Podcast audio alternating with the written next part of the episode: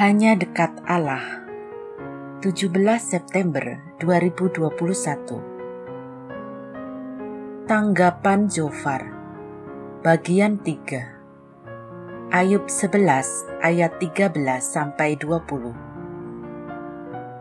Jikalau engkau ini menyediakan hatimu dan menadahkan tanganmu kepadanya, jikalau engkau menjauhkan kejahatan dalam tanganmu, dan tidak membiarkan kecurangan ada dalam kemahmu, maka sesungguhnya engkau dapat mengangkat mukamu tanpa celah, dan engkau akan berdiri teguh dan tidak akan takut.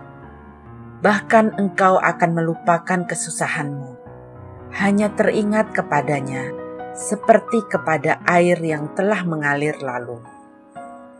Ayub 11 ayat 13 sampai 16.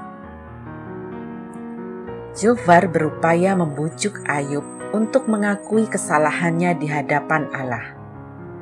Dalam Alkitab Bahasa Indonesia masa kini tertera, Ayub, bersihkanlah hatimu, menyesallah, berdoalah kepada Allah. Hilangkanlah dosa dari hatimu, dan jauhkanlah kejahatan dari rumahmu.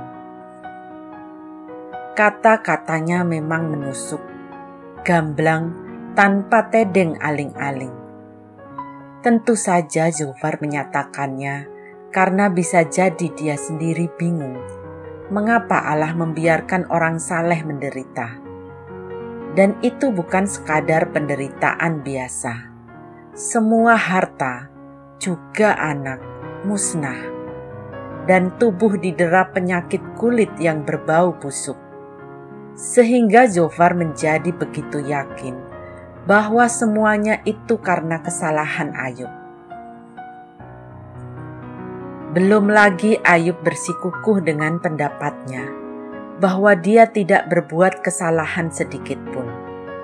Hal itu membuat Jofar berpikir bahwa sahabatnya memang menyembunyikan sesuatu, sehingga dia memaksa Ayub untuk bertobat hanya dengan itulah, pikir Zofar, dia akan mendapatkan sahabatnya kembali seperti sedia kala. Zofar percaya jika Ayub bertobat, kehidupanmu akan menjadi lebih cemerlang daripada siang hari. Kegelapan akan menjadi terang seperti pagi hari. Itulah harapan Zofar. Pada titik ini, dia memang masih ingin yang terbaik untuk sahabatnya. Kalaupun kata-katanya keras, kemungkinan besar karena Zofar sungguh mengasihi Ayub. Hanya caranya memang membuat sakit hati. Salam semangat dari kami, literatur perkantas nasional, sahabat Anda bertumbuh.